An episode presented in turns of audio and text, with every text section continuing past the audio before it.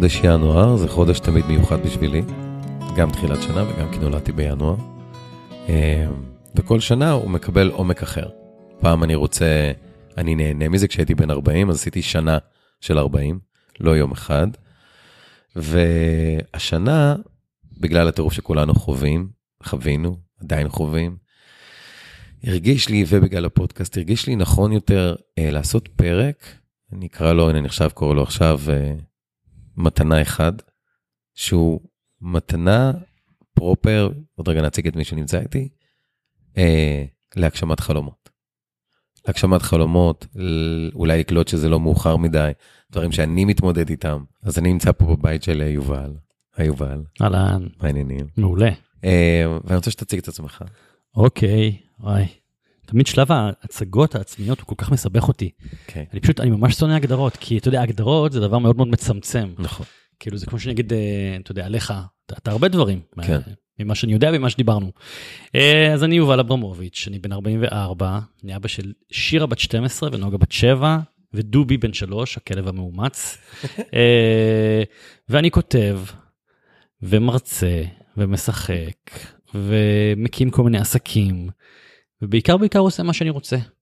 כן. כאילו זה זה זה זה. בעיקר עושה מה שאתה רוצה אז כן. אתה אז אתה נגיד בבית שלנו בכלל משהו שהרבה אנשים יודעים יובל אברמוביץ' שמישהו כן נשים כישורים למרות שאמרנו שזה פחות חשוב. אה, כתבת את הרשימה מהמם. נכון? כן. אה, אתה רוצה לספר על זה קצת למי שלא מכיר? אה, כן. אה, זה, אתה יודע, זה קטע כאילו אני סתם אני חושב תוך כדי שכתבתי עד היום 16 ספרים. אוקיי וזה כאילו אתה יודע זה קצת אני לפעמים אומר אני לפעמים אני כאילו אני כבר לא מתוסכל מזה אבל הייתי אתה יודע זה כמו שאתה i5 לא משנה מה תעשה אתה יודע נכון. הולך איתך נכון אבל אג, אגב פעם אבי גרייניק סיפר לי שעצרו אותו ברחוב. אה, אמרו, אמר, אה, אתה יודע עם פלטפוס תעשה כן. ביסלי תעשה במבה כל החיקויים והוא כאילו הוא נורא הוא היה הוא נורא כעס על הבן אדם ברחוב זה גם היה אחרי שהוא התפרק שם מעידן אלתרמן כן. וכולי ואתה יודע הוא לא רצה את הדבר הזה עזבו אותי כאילו ואז והוא נורא כעס על הבן אדם ברחוב. ואז הבן אדם ברחוב אמר לו אבל למה אתה כועס זה אתה יודע לכל לכל אדם לכל יוצר יש את המונליזה שלו זה המונליזה שלך. נכון מה אני כאילו עף על זה שהייתי באייפר. ברור איזו שאלה אתה יודע זה כמו שמדברים איתי 17 שנה אחרי השיר שלנו והשמינייה כן. ודברים שעשיתי וברור אני הכי מחבק את זה אבל אני אומר אני אתה יודע כל כך הרבה דברים עשיתי ואני עושה והרשימה זה כמו קוקה קולה יש יש יש פנטה ויש נכון. ספרייט ויש דיאט ספרייט וזירו וכל הווניל אבל אה, גם שלום חנוך אמר שנמאס לו לשיר מאיה הוא לא רוצה לשיר יותר מאיה כן, כן, בהופעות כן, אבל כן. לפעמים זה זה זה התדר שלך בעולם נכון, וזה לא, אחלה לא. תדר. לא לא לא לא, הכל טוב אני מחבק את זה ואני אוהב אני גאה ואני ממש שמח ומאושר. הרשימה זה, זה ספר שיצא ב-2014 זה התחיל למען האמת אפרופו פודקאסט זה התחיל בתור בלוג. ב-2011 פתחתי בלוג אה, פייסבוק ואינסטגרם אה, עוד לא היה אפילו אינסטגרם לא, פייסבוק פתאום, לא היה אינסטגרם. לא היה רק פייסבוק הפייסבוק אה, היה בחיתוליו יחסית.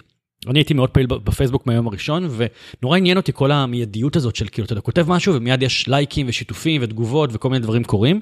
אה, כי אני בא מעולם העיתונות בין השאר במקור ובעולם העיתונות אתה כותב כתבה לפעמים זה מתפרסם אחרי שבועיים או שלושה ואתה גם אתה יודע אתה מקבל איזה מכתב שניים מדבר איתך 20 שנה אחורה.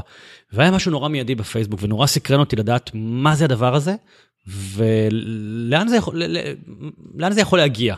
אז יום אחד פתחתי ונורא רציתי לפתוח בלוג כמו שנגיד פודקאסט. נכון נכון נכון. בלוג תמיד זה מדהים. כן, ולמרות שאגב גם מלא אנשים אמרו לי תפתח בלוג תפתח בלוג אמרתי מה פתאום אני כותב בתשלום כן. אה, אני מקבל על זה כסף בעיתונות נראה לכם שאני אכתוב בחינם אבל ראיתי שכולם נורא חוגגים פותחים אה, כל מיני בלוגים וקורים דברים נורא מגניבים. ויום אחד ראיתי את הסרט אה, ג'ולי וג'וליה כן. עם מריל סטריפ סרט מדהים ועל מישהי שפותחת בלוג וקורים לה דברים נורא מעניינים אמרתי יאללה חיפשתי נורא את הנושא. והיו לי כמה בלוגים למען האמת לא לא אספר את כל הסיפור אבל יום אחד בזמן שהתקלחתי, קלישאה הכי גדולה, היה לי רעיון, בלוג על חלומות, על רשימות. אמרתי, נתקלתי ברשימה ישנה שלי בחדר חדר העבודה, שכתבתי כמה שנים קודם לכן, שרובה אגב הגשמתי. אה, את רובה הגשמתי ואני מדבר איתך על דברים נורא גדולים כמו בית, לקנות בית, ילדים, אה, תיאטרון, ספרים, כאילו, אבל דווקא הדברים הקטנים נתקעתי, כמו חדר כושר, כמו אה, ציור, ללמוד, ללמוד צרפתית, וזה נורא עניין אותי, למה נתקעתי? ופתחתי בלוג, פרסמתי בו עשרה דברים שאני רוצה להגשים ב-400 ימים, בעברית ובאנגלית, שמתי את זה בפייסבוק, הלכתי לישון, ולמחרת הבלוג פשוט התפוצץ, נהיה ויראלי. הפוסט. הפוסט הזה, כן, מתוך הבלוג, הוא פשוט, כן. באמת, אלפי כניסות מכל העולם, ארה"ב, איראן, עיראק, רוסיה, נורבגיה, אנשים התחילו לשלוח לי מיילים ולהגיד לי, אני מכיר את זה ואני אעזור לך, ומישהו מניו יורק שלח לי ערכת אה, DVD של אה, לעשות אה, כושר בבית, ואנשים באוסטרליה הזמינו אותי לישון אצלם, ופשוט זה התחיל להתפוצץ הדבר הזה. והתחלתי לצאת למסע של הגשמת החלומות שלי, כשבתוך הדבר הזה אספתי המון המון המון המון תובנות, לאו דווקא שקשורות אליי, אלא יותר קשורות למין האנושי, ומה עוצר אותנו מלהגשים חלומות, ולמה יש אנשים שכן מצליחים להגשים ולא מצליחים. והבלוג הזה פתאום נהיה הרצאה, זה גם התחיל נורא ספונטני, כאילו חברים אמרו לי, נו מה קורה עם, עם הדבר הזה שלכם, הקשקוש הזה בהתחלה זה היה, אמרתי להם, אה, בוא שישי בוא נעשה לכם הרצאה בבית. עשיתי הרצאה לחברים שלי, היה מוצלח, אמרו לי יואו חבל שההורים שלי לא פה, אחותי, אמרתי תזמינו שבוע הבא. ופתאום, ופתאום התחיל על זה דיבור, ופתאום הגיע טלפון מאיזה ארגון ועוד ארגון, ופתאום זה נהיה הרצאה, אמרו לי חבל שאין ספר, עשיתי ספר, פתאום נהיה רב מכר, פתאום הוא נהיה ב-20 מדינות, והשאר היסטוריה. כן. אז, אז בגדול, הספר מדבר על זה שהכותרת משנה זה הרשימה, חלומות צריך לצעוק. שצריך לדבר על החלומות בקול רם, ולא לדבר עליהם בלב, להיעזר ברשת החברתית, כדי להגיע לכמה שיותר אנשים. אה, זה בגדול. אבל אוקיי, אז יש לי שאלה על הדבר הזה. יש כן. איזה קונספט שנקרא באמת, צק את זה החוצה. כן. איזה בכושר, Mm-hmm. באפליקציות כאלה, אתה יודע, שאומרים, אתה יודע, ת, ת, תגיד לאחרים שאתה זה, ואז ייקחו אותך accountable. כאילו. כן. מצד שני, יש גם מחקרים שאומרים שברגע שאתה נכון. אומר שאתה עושה משהו, כאילו המוח שלנו כבר אומר, נכון, כבר עשיתי אותו, נכון. אז אתה פחות מתאמץ. אה, ואתה יודע, אני, אני כאילו ממרום גילי, נקרא לזה, mm-hmm. ממרום גילנו, כן. קולט שכל קלישה אה, תקפה. כן. ואחת הקלישאות, אתה יודע, אתה יודע, להיות, אתה יודע, לא קלישה, אבל כמו עכשיו להיות עיניו, להיות צנוע, לא כולם צריכים לדעת מה אתה עושה, צדקה נעשית. אה, אז כאילו, איך זה, כי יש כל כך הרבה רעש. כן. יש כל כך הרבה רעש, שלפעמים גם כשאני מוציא פרק, אני אומר, וואו, מישהו מצא את הזמן לשבת, להקשיב. זה לא פרקים קלים, הם לא כן. קצרים, לא איזה טק טק טק טק טק והלכנו. איך, אה, איך זה בולט מעל כל הרעש? כאילו, איך אתה מוציא את זה החוצה? כי כן. אתה צודק, היית בהתחלה בפייסבוק. עכשיו אין התחלה כבר בפייסבוק. נכון. אתה שם פוסט, לא רוצים שיראו אותך. נכון. מיני, אז מה? נכון. בוא, אתה, אולי אני הולך לסוף כבר, אבל איך אנחנו בכלל מגיעים לדעת בכלל מה החלום שלנו? Mm-hmm. כאילו, איך אני בכלל... טוב, אמ-, אמרת פה... אמרתי הרבה דברים, המון דברים. יפה, כי זה כן, שדורשים לי כאילו ממני, שמבקשים ממני עכשיו להתייחס. קודם כל, אני מכיר את התיאוריה של, אה, את המחקרים שאומרים, אה, אל תדברו על החלומות, כי ברגע שכמו שאמרת, אה, סיפרת, כאילו יש תחושה שעשית ואתה מרפא. יש מקום לכל הדעות. אני פשוט חושב שככל שיותר אנשים יודעים זה כמו קבוצת תמיכה, הזכרת פה גם את הנושא של צניעות, וגם כן. את זה שמעתי בתחילת הדרך מאנשים דתיים, אמרו לי, מה עם צניעות? עכשיו, להפך, לבוא להגיד לך, תשמע, יאללה, אני לא יכול לבד, אני צריך עזרה. אני עכשיו רוצה, לא יודע מה, לקנות נדל"ן בארצות הברית, אני רוצה עכשיו להקים עסק. אתה מכיר מישהו? אתה, אתה, אתה מבין בזה? אתה, אתה אומר לי, אה, ברור, גיסתי, חמתי, אשתי, ילדים. אתה, נכון, אם אני כל שאלה שתהיה לי, אתה בטוח מכיר מישהו כן, שמכיר מישהו, כולנו כן. סוג של גוגל וויקיפדיה. ברור. וזה הכי צנוע, זה הכי צנוע, זה להגיד, היי, אני לא יכול לבד, מי יכול לעזור לי? אה, זה דבר אחד. איך אני יודע מה, מה החלום שלי? זאת שאלה מצוינת, וזה מתקשר למה שאמרת, לעידן שבו אנחנו חיים. אנחנו חיים בעידן סופר סופר רועש.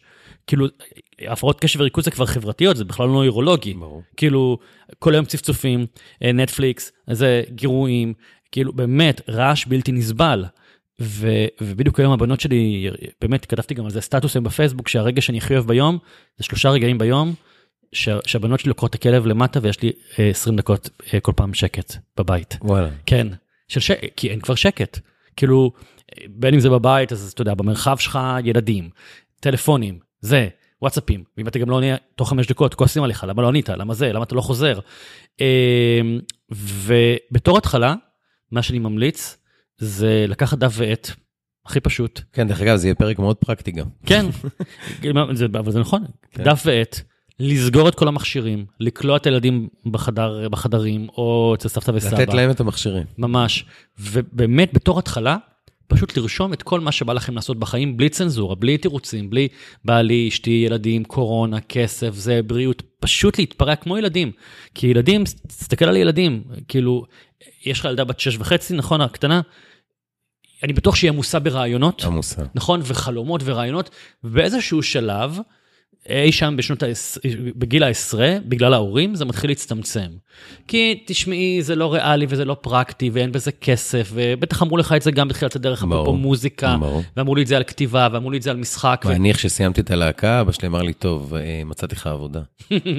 כאילו זה היה תחביב, כאילו כן? זה התחביב. שמע, יש לי סבא בן 100, כמעט בן 100, חמוד מאוד, צלול, עצמאי, באמת, חמוד מאוד, חתיך אגב, פנוי, מישהי מקשיבה, צרו קשר. עכשיו, ס, סבא שלי, אני לפעמים אומר לו, סבא, תשמע, יצא לי ספר בקוריאה. אז הוא אומר לי, למה זה טוב? כאילו, כאילו, אני אומר, מה זאת אומרת למה זה טוב? זה כאילו, אתה יודע, זאת, זאת העבודה שלי, הוא אומר לי, כן, אבל למה זה טוב? אני אומר לו, לא יודע, זה, זה עוד שוק, זה עוד אנשים, אני, אני אטוס להרצאות שם, אני אקנו את הספרים, תמלוגים.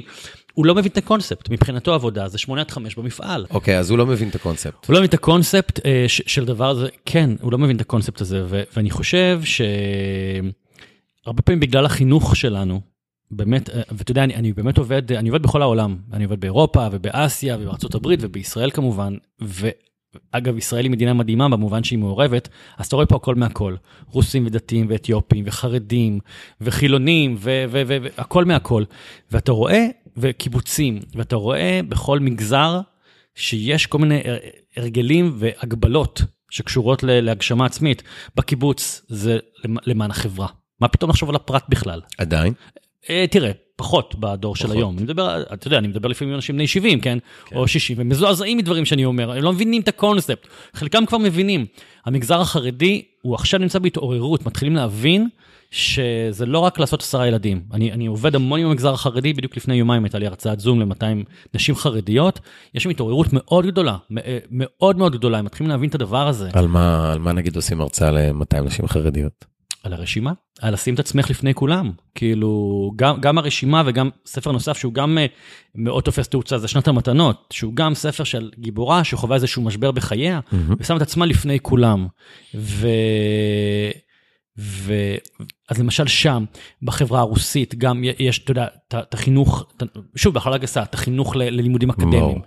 ואז אנשים באמת הולכים לאיבוד, זאת אומרת, הול- הולכים על פי המסורת, כל אחד במגזר שלו, בעדה שלו, מה שזה לא יהיה, ואין, אין, הולך לאיבוד האישי. אנחנו, אנחנו נמצאים בתוך באמת עידן מאוד רועש ומצפצף, ואין אין, לנו באמת זמן לעצמנו. זה נורא נורא, בט- בטח בקורונה, שאנחנו, ההורים הופכים להיות מפעל הזנה. אני לא יודע, אני רואה, אני, אני, אני כל היום עושה שלוש ארוחות ביום, אתה יודע, ארוחת בוקר מלאה, ארוחת צהריים מלאה, ארוחת ערב מלאה, כביסות וזה, ועניינים, ולהפעיל את הזומים ופה, וגם לנסות לעבוד קצת בין השאר. אה, ואין זמן לחשוב. אין זמן לחשוב. אז בתור התחלה, לשאלתך, לקחת דף ועט, לקחת כוס יין, או קולה, או מילקי, או וודקה, מה שעושה לכם שמח בלב, ופשוט לרשום כל מה שבא לעשות בחיים, בלי צנזורה. ואפרופו ילדים, להתפרע כמו ילדים. ילדים באמת, הרי שוב, הם, הם חולמים גדולים, הם אדירים. זה, זה פשוט ככל שאנחנו גדלים, אנחנו, ההורים שלנו, שזה התפקיד שלנו, לא לעשות את זה לילדים שלנו, אפילו אתה סיפרת לי בשיחה ברור, המקדימה, על, ברור. על הבת שלך שהיא עם האיפור, כן, נכון? נכון. ש... אני, אני אספר לכם עכשיו, כן. לא לפה, אני אספר משהו, כי לא כולם קוראים פוסטים. כן, אה, לפני שבועיים, הקטנה שלי אמרה, במשך שבוע דיברה על זה שהיא רוצה למכור, לעשות, אה, לעשות דוכן. אצלני כל הבנות כן, התחילו לעבוד בגיל 6. כן, כל אחת הבינה שאפשר לעשות כסף כי הן חמודות. כן. זאת ועושה כסף. אז אה, היא אמרה לי, אוקיי, הגיע יום שבת, היא אמרת לי, אבא, אני רוצה למכור, אה, מה רוצה למכור? רוצה למכור פימו. אתה יודע שעושים כן, את זה? כן, כן, אמרתי לה, מעולה, אבל לא עשית כלום. אבא, אני אעשה. ילדה בת שש. אני אעשה. עשתה, עשתה שמונה חתיכות פימו, שלוש עשתה לעצמה, חמש אמרה היא תמכור, אני אומר לה, אבל ממי, זה, זה קטן, לא יראו את זה על השולחן. אבא, יראו.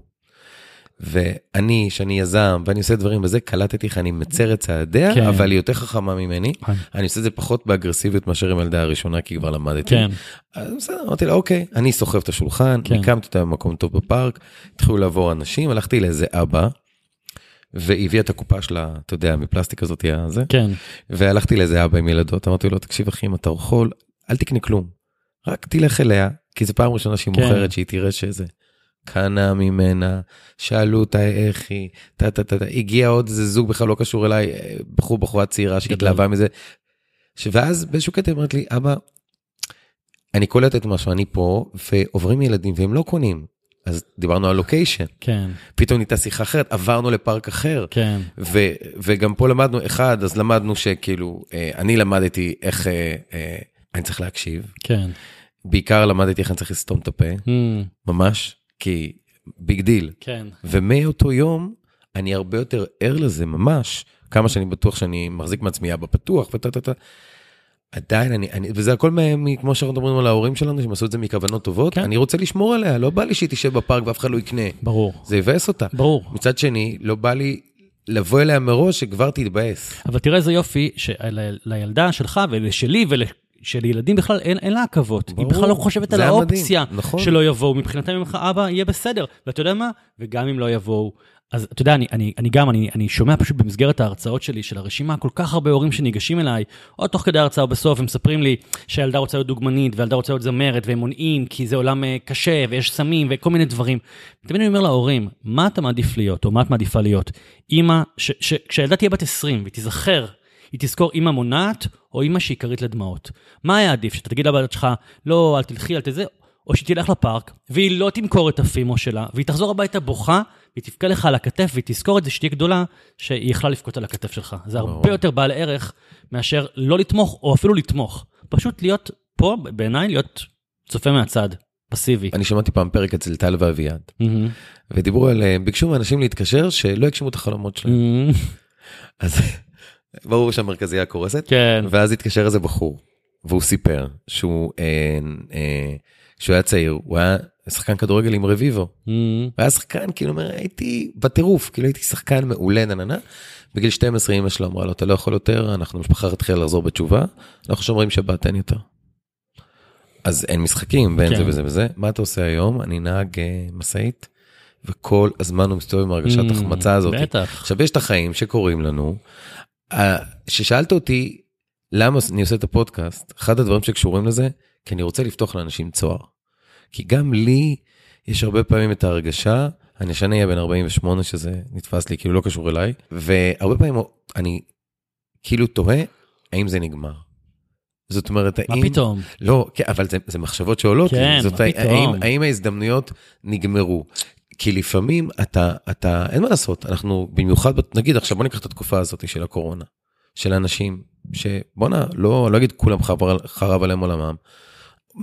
אני מכיר הרבה אנשים, הרבה גברים, שהם אומרים, אוקיי, איך אני משנה כיוון? איך אני מחשב מסלול פתאום? אבל יש לי כבר משפחה, ויש לי ילדים, ויש לנו נטייה להסתכל אחורה ולהגיד, אוקיי, טוב, נו, פספסתי. כן. אני כבר לא אוכל להיות, אה, כמו שאתה אמרת, רציתי לצייר, רציתי זה, רציתי כן. זה. אבל לצייר וזה, אנחנו מדברים, בוא, בוא ננסה לחלום יותר גדול. לצייר וזה אפשר ללכת לחוג. כן. אז תראה, גם פה התשובה היא מורכבת. כי. מצד אחד, יש אה, בארצות הברית אה, מושג באיזה ספר שפסיכולוגית כתבה שנקרא The Lost Generation, הדור האבוד. אבל הוא מתייחס לדור של הילדים שלנו, או בני ה-20 של היום, מה זה Generation Y? כאילו, אה, כן, אפילו אחריהם, שאומרים, מה, אני כולה בן 20, מה הלחץ, כאילו? Mm. כאילו, מה- מה מה הלחץ? ופתאום אתה נהיה בן 30. ואתה פתאום, אפרופו 48, אתה פתאום בן 48, נכון? לחלוטין. פתאום זה קורה. ברור, פתאום זה? אני נהייתי בן 44 גם בנובמבר. נכון. עכשיו, בין, עכשיו, מה שהיא בעצם אומרת, אם אתה לא עולה על המסילה באזור גיל 20 וקצת, הסיכוי שלך לעלות על המסילה, מסילת החיים, הוא, הוא, הוא הולך וקטן. עכשיו, סתם, נגיד, אם, לא, אם אתה, אם לא- עד גיל 30 לא עשית משכורת של סתם, אני אומר, 10,000 שקלים, ואתה שכיר, מה הסיכוי שלך להרוויח בגיל 45, אה, 30 אלף שקל בחודש, אם אתה לא תתפטר ותהיה עצמאי ותהיה יזם, זאת אומרת, אם תמשיך במסלול הזה, אז אתה תישאר עם 12 אלף שקל, כאילו, עכשיו, בסדר, לא כל אחד כסף מניע אותו, חשוב לו, אבל סתם כדוגמה, ואני רואה את זה, אגב, אני רואה את זה עם, עם חברים שלי, בני גילי, אוקיי, 44, 45, 46, אז יש לי חברים וחברות שבאמת אה, עלו, התחילו את מסע חייהם בגיל 35. הם היו בחוץ לארץ כמה שנים, הם עשו תואר ראשון ותואר שני ואקדמיה שאני ממש לא מתחבר לדבר הזה. ואני לא. ואתה יודע, והם יצאו לעולם בגיל 32 והתחילו באופן טבעי עם משכורת של 8,000 שקל כי, כי זה משכורת ראשונה שאתה עושה בגיל 32. אז הסיכוי להגיע לגיל 40 ולעשות פתאום 20,000 שקל, שוב, תלוי במה אתה עובד, כן? הוא מאוד מאוד אפסי. וסתם דוגמה, אה, נגיד על, על כסף, אבל זה על כל דבר בחיים. בעצם, מה שאותה פסיכולוגית אומרת, בואו לא נהיה הדור האבוד ובואו נכ, נכניס את הילדים שלנו לתוך נתיב החלומות בגיל מאוד מאוד צעיר. כלומר, ברור שזה יכול להשתנות להם, אבל אני, הבנות שלי גם, אני, כל הזמן יש לי איתם שיחה של מה אתן רוצות לעשות, שתהיו, לא שתהיו גדולות, בנות, כי הן לא יודעות מה הם יעשו בגיל, מגיל 7, מה היא תעשה בגיל ברור, 30. ברור. אבל אני כן פותח להם את, ה, את המחשבה הזאת, כי אני יודע שאני התחלתי את הקריירה שלי, לא במובן של רשמית, כן, אבל בגיל שמונה. אני מגיל שמונה כותב ומשחק. גדול. מגיל שמונה בב- בבית ספר, אתה אתה יודע, מה זוכר את זה? ממש. כאילו, אף אחד לא מופתע שזה מה שאני עושה. כאילו, גם, גם בספר מחזור בבתי הספר, גם ביסודי וגם בתיכון, כולם צפו שאני אזכה באוסקר ויוציא ספרים ואופיע בהבימה, ודברים שאגב, קרו, חלק מהדברים קרו לימים. כלומר, זה לא הפתיע אף אחד, אני מגיל שמונה צובר קילומטראז', ומגיל 17 וחצי עושה את זה מקצועית ובתשלום. כך שבגיל 25 כבר הייתי עם רזומה של בן אדם מבוגר, ועם משכורת של בן אדם מבוגר. אז באופן טבעי, בגיל 44, אני, זה הגיוני שאני נמצא במקום שבו אני אוקיי, נמצא. אבל יובל, לא כולם ככה. לא כולם ככה, אני נגיד לא הייתי ככה. בסדר, לא, אבל אתה, מה- אתה נגיד היית בלהקה ב-i5 בגיל יחסית צעיר גם, לא? כן, אבל אני הגעתי ללהקה בגלל state of mind, שבבית שלי קודם כל תמיד אמרו לי לא, מהמם, ואי אפשר. כן, ככה אני גדלתי. וכנראה באיזשהו סוג של משהו בפנים, אמרתי, אז אני אעשה הפוך, כמו הפרק הזה בסיינפלד, כן, שג'ורג' עושה כן, הכל כן, הפוך. כן. זה מה שעשיתי בחיים, אז אני יכול לעשות הכל. כשאני הלכתי ללהקה, אה, אני לא ידעתי לשיר, לא ידעתי לרקוד, אבל היה לי משהו. ידעת, כנראה לא ידעת שאתה יודע לרקוד ולשיר. אבל לא, לא, לא ידעתי, כאילו, לא, ידעתי שאני, מה שאני בא להגיד זה, יש גיל מסוים, כן, שיש לך, שאתה חושב שאתה יכול לעשות הכל. כשאתה בן 20 ומשהו, ואין לך עדיין מטלות, ואין לך עדיין זה, יש גם יתרון בזה שאתה חושב שאתה יכול לעשות הכל. אז אני חשבתי, אני עדיין מאמין בזה, ככה אני גם מעביר לבנות שלי כן, גם, כן. שהן יכולות להיות הכל. כן. ידעתי שאני לא יכול להיות מתמטיקאי על או אסטרונאוט, מהמם, אבל ידעתי שהכל תלוי בי. כן, יש נכון. לי, יש לי אפילו כתובת קעקע על הרגל, של קלף של אושו, מי שלא יודע מי זה אושו, מהמם. מוזמן לזה, יש קלפים. לקלף הזה קוראים המקור. אוקיי, שבתכל'ס זה נראה כמו ביצית וזרעונים שעפים אליה. וואלה, ושמתי את זה על, ה- על רגל שמאל, שכשאני יושב בקיפול רגליים, אני אוכל לראות את זה, גדול. אני, אני לא מבין קעקוע שאתה לא יכול לראות. כן, אז שאני יכול לראות את זה, כי זה מביא לי אנרגיה. כן. כי אני המקור, אני המקור לקורבנות שלי, אני, ועברתי תהליך ואני כל הזמן עובר. ולמה אני אומר לך לא כולם ככה? כי אחת הסיבות לפודקאסט הזה, זה לפתוח פתח לאנשים. כן, ובן אדם שנוסע עכשיו לעבודה, יכול, בעקבות מה שהוא שומע ממך, שוב, לא כאמת, אלא כעוד דעה, כן, להגיד, וואלה, אז אבוד, כי כבר לא עשיתי את זה, אני לא יובל, כן. לא, אין לי ייעוד משאני קטן. אז אני רוצה, אז אני, אז אני אתן את התשובה השנייה יאללה. לשאלה, כי אמרתי שיש לזה שני, שני צדדים. אוקיי. יש את הצד הזה שאומר, וואלה, תקשיבו, אם אתה לא עולה למס- על המסילה, זה עשוי להיות, קודם כל עשוי להיות מאוחר, אבל מצד שני, תוחלת החיים הולכת וגדלה. אה, אה, פעם, לפני 30 שנה, בגיל 65, זה היה, זה היה הקצה. כאילו 30 שנה אחורה. אה, לפי כל ההערכות, בשנת 2050, שזה עוד 30 שנה מהיום, תוחלת החיים הממוצע תהיה 95. סבא שלי בן אה, 98, אה, והוא צלול ומתפקד והוא עצמאי, וגם אבא שלו היה אותו דבר. מה אני רוצה להגיד? שהיום רוב הסיכויים שאדם יחיה בתוך חייו שלושה גלגולי חיים. כלומר, אתה מבין? אה, ובאמת אגב, אני בגיל, עד מגיל אה, 8 עד אה, 32 שיחקתי בטלוויזיה ובתיאטרון ו- וכתבתי בעיתונות, ובגיל 32 עשיתי סוויץ' לספרים ולעיתון- ועיתונים, ו- ו- אני לא יודע מה היה הסוויץ' הבא. זאת אומרת, אני לא כל החיים אכתוב ספרים ואעשה הרצאות, זה ברור לי שתהיה עוד תחנה בתוך תוחלת החיים שלנו, אם אין תקלות של מחלות וכאלה, כן? אז אני אומר, זה ממש לא מאוחר. כלומר, אנחנו צריכים ששני הדברים האלה יהיו לנו בראש. אחד, שצריך להיכנס לנתיב, ובוא ניתן דוגמה. אנחנו יושבים אצלי בבית בנווה צדק, פה השכנה שלי בבניין ליד זה גל גדות, שהנה באמת כבשה את העולם בצורה מאוד מאוד מרשימה. ו... אבל גל, אם אתה בוחן את, ה... את המסלול שלה, מה היא עשתה? אז היא עשתה פה דברים, צברה פה רזומה, למדה אנגלית, נסעה הברית, עשתה שם דברים, טה-טה-טה-טה, הגיעה לוונדר וומן. אה, אני לא אומר שאם עכשיו מישהו כן, אבל אתה מקשיב יודע, לנו... על כל גל כזאתי, יש לנו מאות ואלפי ניסיונות. זה- בסדר, זה- נכון. יש גם מזל, זה גם דבר מאוד אני חשוב. לא, אני, לא, אני לא מתחבר לא למזל, מתחבר למזל, ממש לא, לא, אנחנו- לא מתחבר. תראה, גם, גם אה, בוא ניקח את אה, אה, נתיב, איך קוראים לו? גיא נתיב, שזכה באוסקר, גם ישראלי, גיא, גיא קוראים לו? כן, אבל נכון? אוקיי. אבל, אבל בדיוק זה אותו דבר, הוא פעל פה, נסע לשם, היה שם, עשה את הדברים. זאת אומרת, זה, זה עניין של... אה, אני- אז אני כן. אחדד, אז אני אחדד. אני לא יכול, אני, אני, לא, אני פשוט לא רוצה שאתה- שיהיו בדיכאון האנשים שעכשיו ביאסתי אותם. יפה, אז כן. מה שאתה מתאר, איך שאני חווה את זה, כן, מה שאתה מתאר זה להיות בפעולה. נכון, כי אין הבטחה לשום דבר, נכון, ואנחנו יודעים את זה כבר שאתה יודע, God, you make plans וזה. לגמרי. להיות בפעולה, ולהיות בפעולה, לפעמים, אני פעם ש- קראתי משהו שאמר, הדבר הכי קשה בכושר, זה לשים את הנעליים בבוקר. לגמרי. אז אני נגיד החלטתי שהספורט שאני עושה הוא בלי נעליים. אוקיי, כאילו החלטתי, אז אני עושה אה, אגרוף בלי נעליים, אני עושה כמובן אה, יוגה כן, בלי נעליים. כן, כי, כי בשבילי הבלי נעליים נהיה כמו לשים נעליים. כן, אתה מבין? כאילו ראיתי מה אני יכול, כן. שום, שום מגבלה. ככל שאנחנו גדלים, אני חושב, תגיד לי, אנחנו צריכים לארגן לעצמנו סט של דברים שיקלו עלינו, נכון. כדי להגשים את הדברים האלה. מאוד מאוד מתחבר לזה. ותשמע, אני, אני אגיד לך משהו, אפרופו האקטיביות הזאת שאתה מדבר עליה, כשהרשימה יצאה, היא יצאה כמה שנים אחרי הסוד, The Secret. כן. ומלא אנשים אמרו, גם בביקורות וזהו, אוי, זה נורא דומה לרשימה, לסוד והסוד, וזה דומה בחשיבה החיובית, כן, גם אני מה- מאמין, זה אבל? אבל בסוד יש, יש טעות אחת מאוד גדולה, ואני אומר את זה בהרצאות שלי גם, לתפיסתי, שבסוד אומרים, אה, וממש יש קטע בסרט וגם בספר, שאומרים, קחו צ'ק פתוח, תרשמו מיליון דולר על שמכם, שימו על המקרר ותזמנו את זה. עכשיו, מה זה בעצם מעודד? פסיביות. תרשום צ'ק, שים על המקרר, שב מול הזה, תדמיין את זה קורה. אז אנשים זימנו, זימנו, זימנו, זימנו, והתקשרו מהבנק, אמרו להם, בואו, מינוס 70 אלף שקלים, הפסיקו לזמן. ואני אומר, לא, כאילו, לעשות דברים, רק פעולות עושות דברים. כאילו, זה, זה נחמד לזמן, ואני, אני, הרבה פעמים זה קורה לי בחיים, אגב. הנה, אתה יודע מה? אפילו הפודקאסט, אתה, אתה פנית אליי לפני שבועיים, או אפילו פחות, ברחוב, ראית אותי, ואני שב, שבוע לפני זה קפץ לי הפודקאסט שלך, איכשהו, לא יודע, בפייסבוק. אז יש אה, מזל ומקריות. אז אתה יודע, זה- יכול להיות צירוף מקרים ואנרגיות, אפשר, כן. אבל לא, אני לא מאמין בדברים האלה. זה, זה צירוף מקרים, זה סיפור נחמד, אבל. אה, אתה יודע, כאילו, ואמרתי, אוי, נחמד הדבר הזה, ופנית אליי שבוע אחרי זה ברחוב, כן. אמרת לי, בוא, בוא תתראיין. כן. אה, אבל עדיין, אבל אתה יודע מה, אבל... אבל אתה היית צריך להיות אקטיבי, אתה היית צריך לפנות אליי. היית יכול גם לראות אותי, ובזה זה נגמר. דרך וגם- אגב, אחד הדברים של הבת שלי שהיא מכרה, שלמדתי, כשבאנו למכור בפעם השנייה, אז אמרתי לה, ממי, בוא נלך הביתה, כי יש פה רק מבוגרים. כן. היא מסתובבת אליי, מה היא אומרת לי? אז מה? הם יקנו לנכדים שלהם. הילדה בת שש. אבל, אבל זה תראה, זה. תראה איזה מדהים, תראה איזה מדהים, איך, איך הילדים מתוכנתים, לא, זהו, הם עוד לא מתוכנתים, הם כן, נקיים. הם זה, אני, נקיים. תראה, אני, אני, אנחנו מגיעים לעולם י- ככה, יצורים סקרנים, אנחנו הרי מפרקים בתור ילדים דברים, שעונים, שוברים, זה נכון, דוחפים יד לכל מיני מוצרי חשמל, אני בתור ילד דחפתי יד לתוך פיר של מזגן וחתכתי את האצבעות שלי, כאילו בלאגן.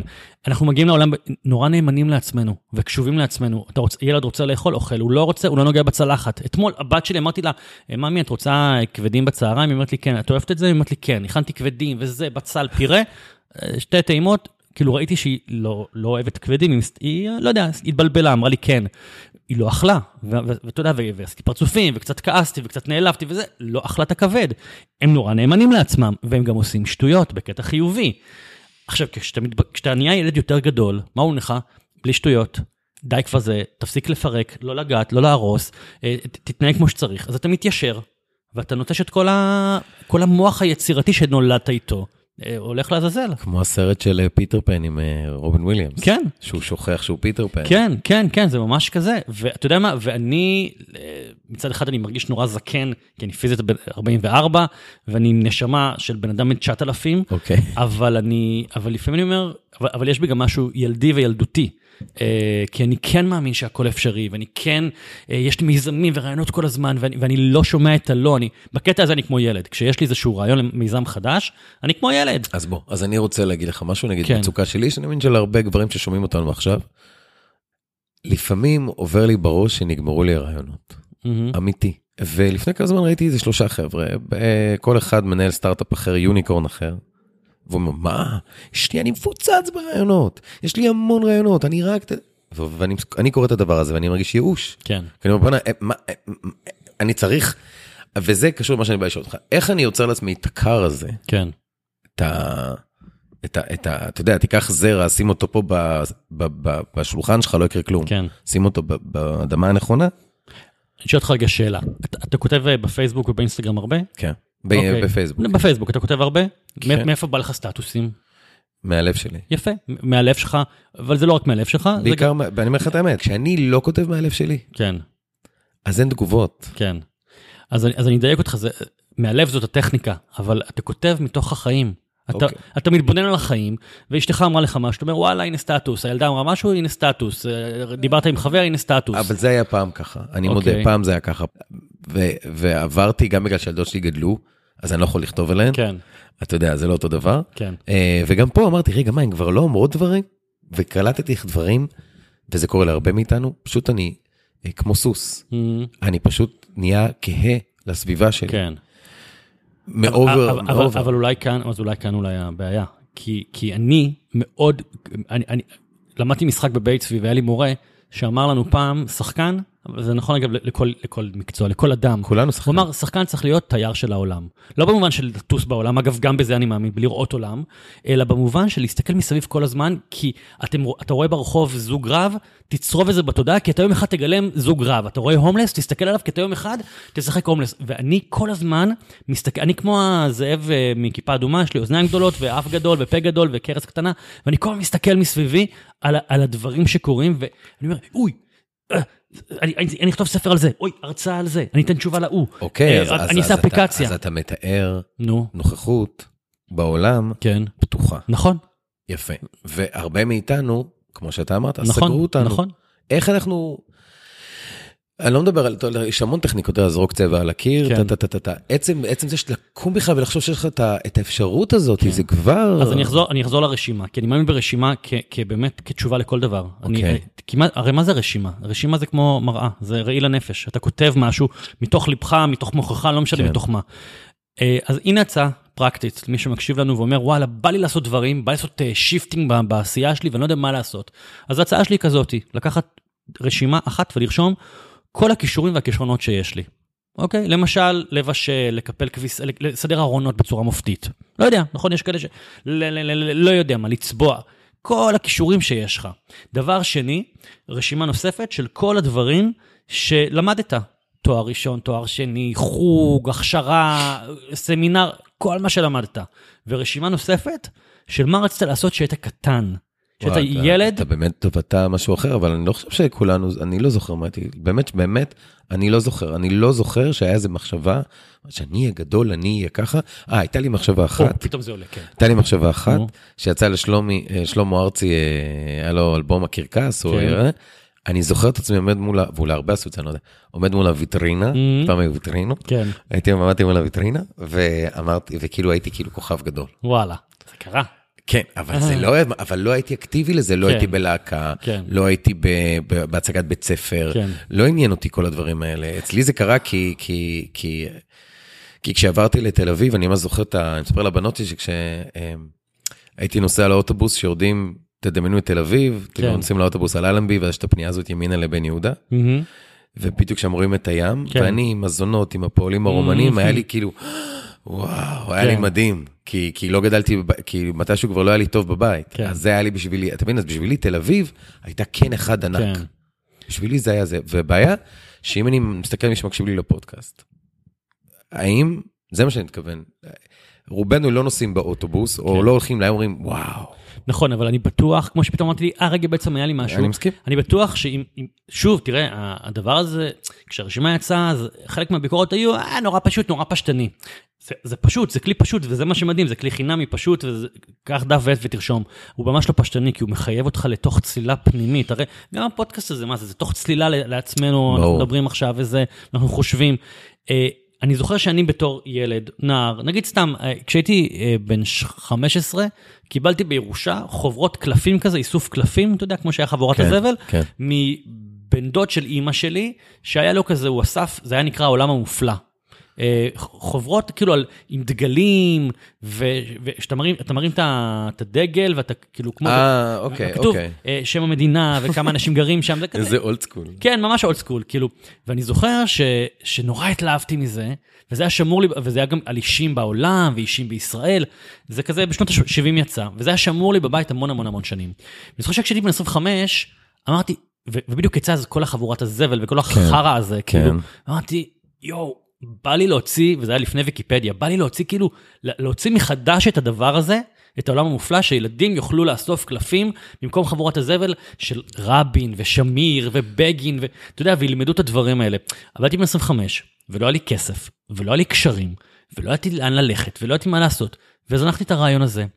אבל אתה יודע שהיום, ממרום גילי וניסיוני ומעמדי וכספי ובלה בלה בלה, לפעמים אני נזכר ברעיון, ואני אומר, וואלה, אולי, אולי עכשיו אני אוציא את זה, יש לי גם הוצאת ספרים, אז אולי אני אוציא את זה תחת ההוצאה שלי היום, כי היום אני מקושר, והיום יש לי כספים, והיום יש לי יכולת, ואני יודע להפיק את זה, וזה נורא קל, זה חמש דקות אני עושה את זה. זאת אומרת, לכן אני אומר, ברגע שאתם תצללו לכן לזיכרונות הילדות והנעורים שלכם, שזה, תשמע, מגיל 48 ברור שאתה לא זוכר כלום, אתה אומר לי, אני זוכר בקושי אולי שלמה ארצי, אני בטוח מוכן להתחייב, שאם אתה תלך הביתה ותחשוב בוויקנד, פתאום תגידו, וואלה, נכון, היה לי רעיון וזה וזה.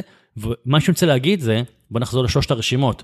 כישורים שיש לי, כישורים טבעיים, אה, לימודים שעברתי, ודברים שרציתי לעשות כשהייתי קטן, וכמו בתפזורת, תקיף את המילים שמדברות אליך היום, שפוגשות אותך היום. יכול להיות ששם אולי נמצאת התשובה למה אתה רוצה לעשות. אולי. פתאום תגיד, בא לי, אה, אני טוב בלסדר, ואני אפליקציה, אפליקציה לסידור ארונות, אני ממציא עכשיו קשקוש, כן? אבל לא אתה. יודע, אני אגיד לך מה עולה אני מקשיב לך, כן. ואני מסכים איתך, אבל אני גם שומע את הכל בראש אומר, בדרך כלל אנשים כשהם שומעים שינוי, כן. או משהו, זה, א', זה מפחיד. לפני כמה זמן אה, באנו בסלון, רציתי לשים משהו, יוצאת הבת שלי, אחת מהן, ואומרת, אני לא יכולה שאתם משנים כל הזמן, אני Mm. צריכה, זה מלחיץ אותי, אני צריכה, אוקיי? עכשיו, כשאנשים עם משפחה, ילדים, אה, פתאום עובר לך בראש, מה, אני אעשה רילוקיישן? לא. כל מה שעובר לי בראש, לא, בוא לא נדבר על הדברים הענקיים האלה. יש לא- לי מענה לזה, אל דאגה. יש לי תשובה להכל. אה, בספר שלי שנקרא רעיון, כתבתי על זה בדיוק, אה, משהו שקורא לו מודל הקיריים. כמו שבבית, במטבח, בקיריים יש בדרך כלל ארבע להבות. נכון. גדולה, בינונית, עוד בינונית ואחת קטנה. נכון. אה, ונגיד עכשיו אתה, מי שמקשיב לנו, אתה שכיר, ואתה- וזאת הלהבה הגדולה שמכניסה לך את הביתה. הבית, ברור. בדיוק. ברור. זאת הלהבה הגדולה שמכניסה לך כל חודש את המשכורת הקבועה, ואתה יודע בדיוק, והחיים נורא יציבים. אבל נורא מנקר לך הדבר הנוסף הזה, היזמות הנוספת, העסק, לעב- לעשות מהפך ולהיות עצמאי, ו- וזה מפחיד, ברור שזה מפחיד. כאילו אני יודע כי גם אני הייתי שם בכל מיני תחנות בחיים שלי. אה, אני לא אומר שצריך לכבות את הלהבה הגדולה ולהדליק עכשיו, לא. תשאיר את הלהבה הגדולה, תדליק בינתיים גם להבה קטנה. את הדבר הנוסף שאתה רוצה לעשות, תעשה אותו פעמיים בשבוע בלילה. בסופי שבוע, זאת אומרת, חייבים לשלם מחירים ולהקריב כן, הקרבות. פחות bingeing. בדיוק. ולאט לאט להתחיל, כשהלהבה הקטנה תהפוך להיות בינונית, והגדולה תוריד אותה לבינונית, עד שבסוף אתה תהיה על פלטה, כאילו מה שנקרא הכנסה פסיבית. בסוף זה יהיה פלטה, פלטת שבת, הכל יעבוד, בכל מיני אה, מידות חום, וזה, וזה יעבוד, ואני אומר את זה בתור, מניסיוני אישי שלי, כי אני הייתי גם שכיר וגם עצמאי וגם בעל חברה, במשך הרבה מאוד שנים, עד שהרגשתי שכל המיזם הזה שנקרא פרויקט הרשימה, שהוא היום זה כבר כאמור 16 ספרים ו-30 הרצאות שונות וסמינרים ובארץ ובעולם, כשהרגשתי שהדבר הזה מספיק גדול, אני יכול להיפרד לשלום מפרקים אחרים בחיי, שזה כתיבה בעיתונות, שהייתה לי שם משכורת מטורפת, הייתי טאלנט בעיתונות, ובטלוויזיה וכל מיני דברים, אני לא אומר למה, רגע, למה צריך להיפרד? שלא- אותי אישית זה כבר לא עניין. אוקיי, זה משהו אחר. כן. לא, במקרה שלי, אני, אני. אבל למה צריך לי, כאילו, אתה מרגיש שאם נגיד אני הולך, אין אמת וכל אחד עשה את הדרך שלו, ברור לנו, אבל כשאתה עושה משהו, אני, כאילו ככה אני כן. חוויתי, אה, התקופה הכי, אה, אני קורא לה עכשיו סמוראית בחיים שלי, שהייתי סמוראי, כן. זה היה כשהייתי בלהקה. לא עניין אותי שום דבר חוץ מהדבר הזה. וכשנגמרה הלהקה, מהמם. והחיים המשיכו, אמ, קלטתי שפתאום אני מתחיל להשוות. כאילו להסתכל החוצה, להגיד, אוקיי, אני פה, הם שם, כל מיני כאלה. לא היה לי את זה ארבע שנים בלהקה. אני אותו בן אדם, אני לא איזה טאלנט מטורף, אני לא זמר מדהים, אני לא זה, הטאלנט שלי שהתגלה בלהקה זה שבכלל כתבתי את רוב השירים Mhm. הזה, ושהייתי הדבק של הלהקה, שידע כן. לחבר. אבל, והיו תקופות קשות, והיה לי, לא היה לי הכל נורא נחמד, כן. כן, היה לי קשה, אבל, אבל הייתי במקום שלי. כן. אני חווה שהרבה חבר'ה בגילנו, ויותר צעירים, הם לא, אנחנו לא במקום שלנו. אנחנו לא... ואז אין לנו חיות באמת, אפילו וזה- לחשוב על איזה נכון, משהו חדש. זה נורא אבל עצוב, אתה מבין, כאילו איזה עצוב זה, כאילו, אתה יודע, להיות, להיות, לחיות חיים ולא להיות במקום שלך. כן, עצוב, אבל מצד שני גם מאוד נוכח, כאילו זה לא איזה מיוחד לאיזה מישהו אחד, זה ככה, זה רוב, הרוב, רוב, ה- אני פגשתי לפני כמה זמן מישהו שאני מכיר אותו שנים, הוא גינקולוג, היה גינקולוג מאוד מפורסם בירושלים, וכשבמסיבת אה, אה, סיום שלו, מהמם. הוא אמר, אה, כל יום שנאתי. מהמם. אמרתי "אני- מה, 40 שנה כל יום Mhm. שנאת? עכשיו זה דור אחר, כן, זה משהו אחר, דור כן, יותר הישרדותי, כן, אבל אני מאמין שיש גם היום הרבה אנשים ברור, שקמים בבוקר, ברור. ורק רוצים לחזור הביתה. ש... נכון, ברור, אבל, אבל, אבל אפשר לעשות שינוי. אבל זה, זה בדיוק העניין שאפשר לעשות שינוי. הוא לא מיידי והוא לא אומר, תשמע, אני מאוד מאוד מאמין, בדרך. אה, א', בדרך, ומעבר לזה, אני מאוד מאמין בטיפול. נתחיל בזה. מה הכוונה? בטיפ... הכל מתחיל מבפנים, מה... מהעבודה הפנימית שלנו. כאילו, אני אישית נמצא בטיפול פסיכולוגי 16 שנה. לא חייבים ללכת לטיפול פסיכולוגי, אתה יכול ללכת ל-NLP, אתה יכול ללכת ליוגה, אתה יכול מדיטציה, אבל אני אומר, אני חושב שהעבודה הפנימית היא, היא, היא חשובה. זה, זה היסודות. כאילו, אני, אני 16 שנה בטיפול, אני, אני, אני אומר את זה בקול רם ואני גאה בזה, בעבודה שלי. בדיוק השבוע שאל אותי חבר, כמה כבר יש לך לדבר? 16 שנה? וואו, וואו. תראה, קודם כל זה בלופ, אותם דברים. אתה יודע, נכון, אמרתי- זה אותם אמרתי דברים. לפסיכולוגיה שלי, עד גיל 80 אני אדבר על אהבה, היא מגיל 22, וזה, היא היא לא- היא שתקה. אמרתי לה, הבנתי, הבנתי. כן. תשמע, מה לעשות, יש שריטות שמלוות אותנו כל חיינו, והטיפול הוא הוא תחזוק. זה- ובדיוק השבוע איזה חבר אה, סיפר לי איזה משהו כזה נורא אישי, וזה, משהו על האיש- על- על- על הנפש שלו, משהו, ו- והוא אמר לי, "אה, יש לו נטייה לדיכאונות. ואז הוא אמר לי, ואיך אתה? אמרתי לו, מאיזו בחינה? כאילו אומר לי, נפשית. אמרתי לו, האמת, אני מאוד גאה בעמוד שדרה שיש לי, אה, ובחוסן הנפשי שלי, ועברתי דברים בחיים. אה, כמו כולם אגב, כן, אני לא, אני לא היחיד סגולה. בגדו בי במערכות יחסים, ובגדו בי בעסקים, ואימא שלי נפטרה לפני שנה וחצי מסרטן כשהיא בת 62, וזה תוך עשרה חודשים קרה, ואני גדלתי בבית בלי אבא, וכאילו, באמת, כאילו, כמו כולם, אתה יודע. כל אחד עם התיק נכון, שלו. אבל אני לא מקדש את הטראומות. כן. ואני לא נכנע לחיים. כי, כי מה שאמרת לי עכשיו, כאילו זה קצת, כשאמרתי עצוב, כי אתה כאילו אתה יודע, זה המצב, זה זה, אבל אפשר לעשות שינוי. עכשיו, אני לא אמרתי שהשינוי הוא מהיר והוא מחר בבוקר, השינוי הזה גם יכול לקחת שנים, אבל הוא, זה אפשרי, זה כאילו, ל, ל, להג... ו, ודווקא בן אדם, נכון שזה, בוא, בוא, תראה, בוא נסתכל על המציאות בעיניים. אני לא רוצה עכשיו ל- לשקר למי שמקשיב לנו בגיל 50, יגידו, ברור, מה הבעיה, אתה מחר תהיה זה. לא, לא ברור, זה דורש עבודה, זה דורש סיכונים וויתור, סיכונים כספיים וויתורים ושינויים. ואתה יודע, אני למשל לא רואה טלוויזיה. לא רואה טלוויזיה. כאילו יש לי מכשיר פה מאוד גדול יפה, כן. יש לנו גם למטה כמה מכשירים, זה לא שאני לא פותח טלוויזיה בכלל, אבל אני לא רואה סדרות, אני לא, כי, כי אני, כי תמיד אומרים לי, איך אתה מספיק לכתוב כל כך הרבה ספרים? כי, כי, במק- כי במקום לראות טלוויזיה, עוד בינג', אני כותב עוד ספר, כן. זו בחירה שלי. כן. אבל, אז יש לי ויתורים, אתה יודע, אז יש, אני, לפעמים אני, אני, כשבימים רגילים אני עובר בעיר, אתה יודע, אני, אנחנו גרים פה בנווה צדק, רוטשילד, אז אני עובר בעיר, אני, כולם, כולם מבלים. ורק אני כאילו חוזר מההרצאה והולך לכתוב במחשב עוד ספר. ואני אומר, מה, אתה לא, אתה לא חי את החיים, אתה לא נהנה מהחיים. אבל זה החיים שלך. זה החיים שלי. כל אחד מאיתנו כן, מחובר למישהו, שזה נורא קשה. נכון. כי, כי, כי אתה יודע, וזה נורא קשה, אם אני אשאל אותך עכשיו, כשאתה נעלב, איפה זה, איפה זה מרגיש בגוף? מ, בלב? לא יודע איפה. לא יודע, זה בבטן? הגוף שלך, זה לא כן. הגוף שלי. כואב לך בגוף. כן, אתה בטח. מרגיש את זה? אתה מייחס לזה חשיבות? כן, בטח, ברור. אז הרבה מאיתנו, me included, הרבה שנים לא הרגשתי. Mhm. נגיד אה, אה, עברנו טיפול אשתי ואני, כן. והמטפלת שואלת, אה, אייל, איפה זה בגוף? מ, אמרתי לה, מה זאת אומרת איפה זה בגוף? מה, תפסיקי, אל תבלבלי את המוח. כן. אני עצבני עכשיו, כן, אז אני עצבני כן, עכשיו, מה. בגוף? בגוף, בא לי להעיף לה סטירה. כן, כן. בגוף. אתה יודע, אז, אבל ילד קטן, כשהוא בוכה, איך הוא בוכה? עם כל הגוף. נכון. איך הוא צוחק עם כל נכון, הגוף. נכון.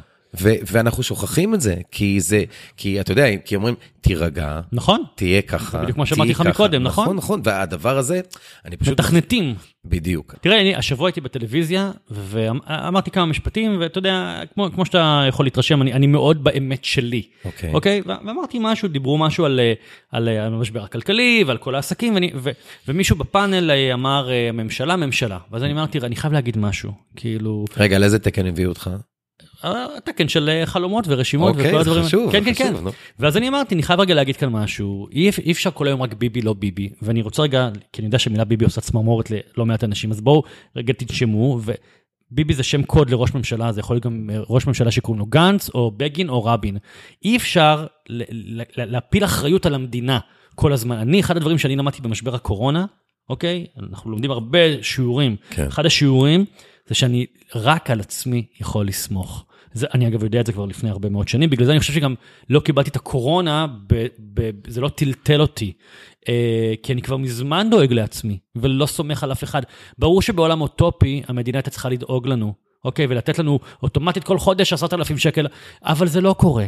ו, ומה שאני רוצה להגיד זה, אי אפשר לגלגל אחריות כל הזמן על המדינה, על הממשלה, על ההורים, על הבית ספר, על הצבא, זה אנחנו. כל אחד מאיתנו מגיל צעיר בתהליך כן. שלו. הבעיה שעם הזמן, אני מזכיר לנו שהמהות של הפרק שלנו זה להגשים חלומות או לפתוח פתח, עם הזמן אנחנו שוכחים את המהות שלנו, לגמרי. את הניצוץ שלנו. ולכן זה מחזיר אותי למשימה, שכשאתם מגיעים הביתה, או שאתם רוצים להקשיב לפודקאסט, איפה שאתם נמצאים, קחו דף ועט ותסגרו עשר דקות, פשוט תזרקו לשם הכל. כל מה שבא לכם לעשות, זה באמת שיח פנימי. הדבר הזה, אתה יודע, זה אפילו שיח ברמה של שיפור, שיפור אישיות, אפרופו התפתחות אישית. אני אספר לך. סיפור. אני, אה, כשהייתי צעיר הייתה לי נטייה לעצבים. כי אני במקור מבת ים. אבל לא, לא רק בגלל זה. לא, הייתה לי נטייה, באמת, מה, מה זה לעצבים? לא הייתי דוקר אנשים, אבל הייתי, כאילו, משהו לא, לא היה מסתדר לי. לא היית רגוע. הייתי עצבני שבוע, שבוע, אתה יודע. ממש הייתי שומע כמו קולות בראש אפילו, כאילו, מדבר לעצמי בראש, כן. כאילו, הייתי מתעצבן שבוע, שבוע. ואז בגיל 25, אה, טסתי ללונדון, ענייני עבודה, כתבתי אז בין השאר בטיים-אאוט אה, תל אביב, ו... ונורא עצבנו אותי בעיתון מאיזושהי סיבה, הייתי בלונדון, ישבתי שזה בפארק עם דף ועט ורשמתי לי כל מיני דברים שאני רוצה לעשות בשנה הקרובה, ואחד הדברים שרשמתי, זה לאו דווקא אגב דברים חומריים, רשמתי להתעצבן פחות. אוקיי? כי הרגשתי שזה מעכב אותי בחיים, שאני רב עם אנשים, שאני סוגר, סוגר לעצמי דלתות, ואתה יודע, ו... וחזרתי לארץ, ווואלה, זה החזיק שבועיים. ואז, לא יודע, רצה הגורל, טסתי שוב פעם לחו"ל לענייני עבודה, ושוב הייתי באיזשהו פארק, ושוב ישבתי, רשמתי רשימה, ורשמתי בין השאר להתעצבן פחות, וזה החזיק חודש. ובפעם השלישית באותה שנה, ששוב כתבתי רשימה, ואני אוהב, אני עושה את זה אחת לכמה חודשים, רשמתי שוב פעם להתעצבן פחות, והתעצבנתי על עצמי. פתאום, פתאום זה היכה בי, כי ראיתי את זה מול העיניים, אמרתי לעצמי, מה, אתה מטומטם? כתוב פה להתעצבן פחות, אתה רושם את זה כל כמה חודשים, אתה לא מצליח לשלוט בעצמך, זה מחזיק מקסימום שבועיים שלושה, זה מעכב אותך בחיים, זה פוגע בך, תפסיק להתעצבן. וזהו. עכשיו, זה לא שאני לא מתעצבן, אני בן, בן אדם כן, תיארת אנושי. מקודם איך אתה מתעצבן על הילדה שלך עם הכבד. נכון, לא, אבל, לא, אבל מה, אני פירקתי אותה במכות, חלילה. לא, התעצבנתי, התמרמרתי לרגע, מלמלתי לעצמי כל מיני דברים. החלקתי, הערתי לה הערה, אמרתי לה, כן. חמודה, אם את לא אוהבת את זה, זה בסדר גמור גם להגיד לי, אבל אני לא אוהבת את זה, אבל כאילו, או אני רוצה לנסות, אבל כאילו, הייתי... אבל הייתי, אני חושב שמה שאתה מתאר, שזה. לא מנהל אותך. בדיוק. אז אני אומר, ברשימה, אפילו, מכיוון שזה שיח מול עצמי, אפילו אפשר לרשום שם דברים אישיותיים שאתה רוצה לעדן בעצמך, לכוונן, להגביר, להוריד ווליום. כאילו, וזה מה, ש, זה מה שקרה לי אז, שכאילו, פתאום ראיתי את זה שחור על גבי לבן, שנושא העצבים מעצבן אותי ומפריע לי ומעכב אותי, וזהו, הפסקתי להתעצבן. כלומר, שוב, אני יכול להתעצבן, ברור, החיים הם הדבר מע- מעצבן לפעמים, אבל זה עובר לי אחרי חמש דקות, אני בשליטה על הדבר הזה. פשוט, אני חושב שאתה פשוט שם את הפנס. למה אנחנו מדברים עכשיו? למה הדחיפות שלי הייתה לעשות לך פרק? כי באמת אפשר כל שנייה, ל- אתה יודע, לא צריך יום כיפור כדי לבקש סליחה מאנשים. אתה לא צריך את ינואר כדי, אבל דווקא עכשיו יש לי איזה urgency כזה, דחיפות כזאת, כן. שאני רוצה להעביר לאנשים, הרי אתה יודע בדיוק כמוני, שאיך קוראים לזה, New Year Resolution, חי שנייה. אבל דווקא עכשיו, כי אין לאן ללכת. כן. אין להפיל על נכון, מישהו. מהבחינה הזאת הקורונה היא ברכה. היא ברכה במובן שאנחנו כאילו באיזו התכנסות, אם אני שם בצד את החרדה הבריאותית, החרדה הכלכלית, ברור. שם את זה בצד, אני חושב שגם קצת הסתגלנו לזה, אתה יודע, למדנו ללכת עם מסכות, או להיות בסגרים, או להיות בבידודים כאלה, אה, ולא להיות עם הרבה אנשים, אה, וגם כלכלית, איכשהו, אתה יודע, מסתדרים, נדבר על, על, על, על הרוב, לא נדבר על המקרה קיצון שבאמת אנשים כן. שקרסו, אה, ובחלק מהמקרים קרסו כי היה להם מחלת רקע גם בעסק, זה לאו דווקא בגלל הקורונה. אבל אני חושב שזה באמת זמן נהדר להתכנסות. תראה, אני, כשהייתי בן 16 הייתה לי תאונה. אה, החלקתי על כתם שמן במסעדה שעבדתי בה והפכתי להיות נכה למשך שנה וחצי. אה, לא ידעו אם אני אחזור ללכת או לא, אה, לימים מן הסתם חזרתי ללכת, ובתקופה הזאתי, היא היא הייתה תקופת הקורונה שלי. הייתי בבית, לא הייתי בבית ספר, שזה היה החלק הכי כיפי, הייתי בבית, ו... ולא היה אז נטפליקס ולא היה אינטרנט, לא היה כלום, כאילו זה היה שנת 90 וקצת. אז שכבתי במיטה, קראתי קצת ספרים, אירחתי חברים, ובין לבין לבין כששיאמם לי, לקחתי מחברת ורשמתי כותרת שנקראת הרשימה. התחלתי לרשום לעצמי מה אני אעשה, חילקתי אותה לשנים, גיל 17, 18, 19, עד גיל 40, כי אז זה היה נראה לי כמו סוף העולם. ברור. ו- וכל שנה תכננתי מה אני אעשה. עכשיו זו הייתה מחברת עם, עם מאות מאות מאות מאות סעיפים שמחקתי והעברתי והעברתי מפה לפה, כאילו, כי, לא היה לי במה, במה להתעסק. ובעצם עיצבתי את חיי, ממש תכננתי את חיי. אה, ואגב, 80% מהדברים שרשומים שם קרו. כאילו, אה, וכולל אגב, אתה יודע, זה מצחיק, אה, בסעיף של גיל 40 כתבתי לקנות דירה במזומן. וזה מה שקרה. כאילו, כזה. לא, כן, אני לא, אני לא מאלה שרודפים אחרי, אמרתי בגיל 19 אני אקנה דירה, משכנתה, לא, אמרתי בגיל 40. וזה מה שקרה. אז אני אומר, עכשיו זה הזמן.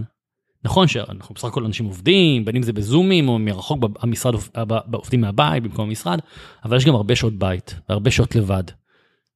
זה, ש- ועוד שנייה זה, זה עלול להסתיים. אתה יודע שאתה מדבר, ועוברת לי מחשבה אחת, שאני מאמין שלהרבה אנשים עוברת, גם אם לא, אז אני אחדד את זה כן. בשבילם. זה מאוד מפחיד לשבת עם דף ריק. זה מאוד מפחיד, כאילו אם תשאל אותי מה התכונות הטובות Mhm. שלך, אני באמת, לא כי אתה תגיד לי, אני כן. לא יודע להגיד לעצמי, כבר לפעמים, מה זה תכונות שלי, כן. מה זה סיפורים שאני מספר לעצמי, אה, מה זה, מה אני באמת יכול לעשות עכשיו. אה, קח אותי, אתה יודע, bare bone, שים אותי על איזה אי, לא יודע, אולי אני אמות תוך יום, כי אני כן. לא יודע לדוג. לא, אתה לא. אני אומר, ההסתכלות פנימה היא תהליך שהוא דרוש, אבל הוא מאוד קשה. נכון, אבל... והוא מפחיד. תראה, ואני שומע לפעמים מאנשים, אתה יודע, באופן מפתיע, הדבר שאני שומע הכי הרבה, וזה הפתיע אותי כשהייתי שומע את זה בהתחלה, בהרצאות, שבאים אליי אנשים בהפסקות, או אחרי ההרצאה אומרים, תקשיב, אין לי חלומות. ואתה יודע, עומד מולי בן אדם בן, לא תגיד אה, 19, בן אדם בן 30, 40, 50. כאילו, אני אומר, מה זאת אומרת? אז לפעמים תלוי מי הבן אדם ומה ההקשר של השיחה, אני אומר בהומור, אה, טוב, אז תקפוץ מהחלון.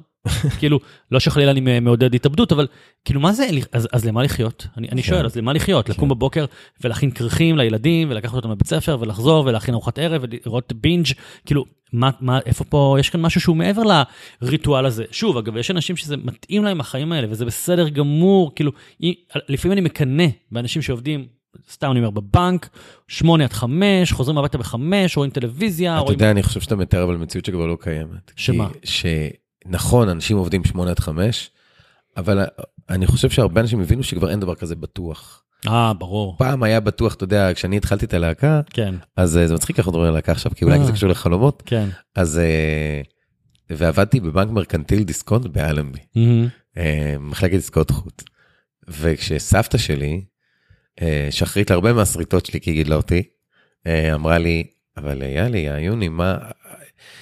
בנק זה עבודה בטוחה. נכון, כן. בנק זה עבודה בטוחה. כן, כמו סבא שלי, כן. אז אמרתי לה, ממי, את יודעת, אני לא בנקאי, אני כולו פקיד, אני כן. לא איזה...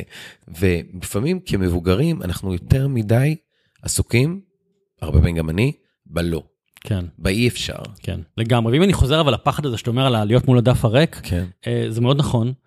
אבל אה, לא יודע, שוב, בגלל שאני כנראה אופטימיסט בלתי נלאה, אני, אני אומר, איזה כיף, דף ריק, וואי, עכשיו אני מלא אותו במלא דברים, כאילו, וואו. עכשיו תראה, באופן טבעי, אנשים שהם פחות מיומנים, זה הכל עניין של, הכל עניין של אימון, לחלוטין. אה, מיומנות ואימון. כמו, אגב, כושר.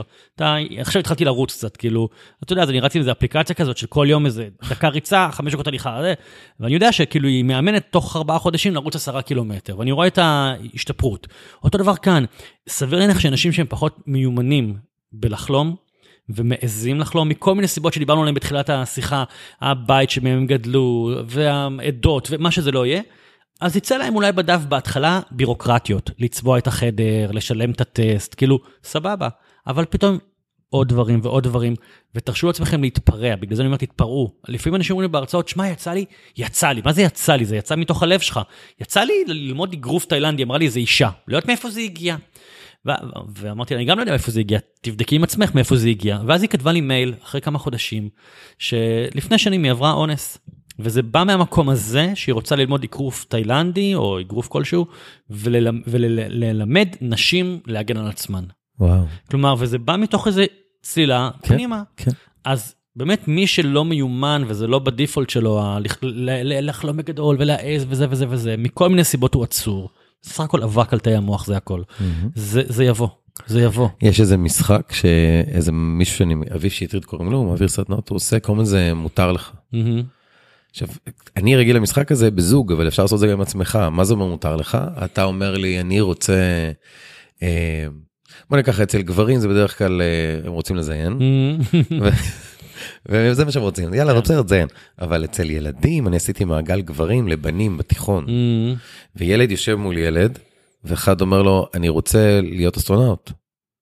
אז הוא אומר לו, מותר לך. מהמם. אני רוצה לצבוע את החדר, מותר לך. אני רוצה לטוס לזה, מותר, ואז בהתחלה, ואז יצא לך ג'יבריש, כי המוח כבר, כן, הוא כאילו נכנס לאיזה לופ, אבל אז יצא דברים אחרים. מקסים, מותר לי, אז המותר לי הזה, מקסים. אז אני, זה- יש לי הרצאה שנקראת שנת המתנות, והיא מלווה את הספר שהזכרתי מקודם, ובהרצאה אני, אני מדבר על זה ש, אה, שבא לי, בא לי, בא לי, כאילו אני עובד נורא קשה, אני, אנחנו, כולנו. כן. הרי, הרי כל האנשים, לא משנה אם אתה עצמאי או שכיר, אנחנו עובדים רוב שעות היממה עם העבודה. כן. אנחנו עובדים 10, 12, 14 שעות אם אתה, אם אתה עצמאי ובעל חברה כמוני, אתה עובד 20 ו... אני כל הזמן עובד, כל הזמן עובד, בראש. ברור. ובא לי, וכשכאילו, אני אומר בא לי. עכשיו, וכאילו, אני, אני מעודד אנשים להעניק לעצמם מתנות. גם אגב, ברמת ל, לרדת לים עם כוס קפה, וגם לקנות uh, משהו גדול ויקר. ותמיד כשאני אומר את הצמד מילים האלה, בא לי, זה קצת מזכיר את המותר לי. Uh, אז תמיד אני רואה כזה ב, בקהל, כזה תזוזה של אי נוחות. נכון, לי עולה נגיד אדוניזם.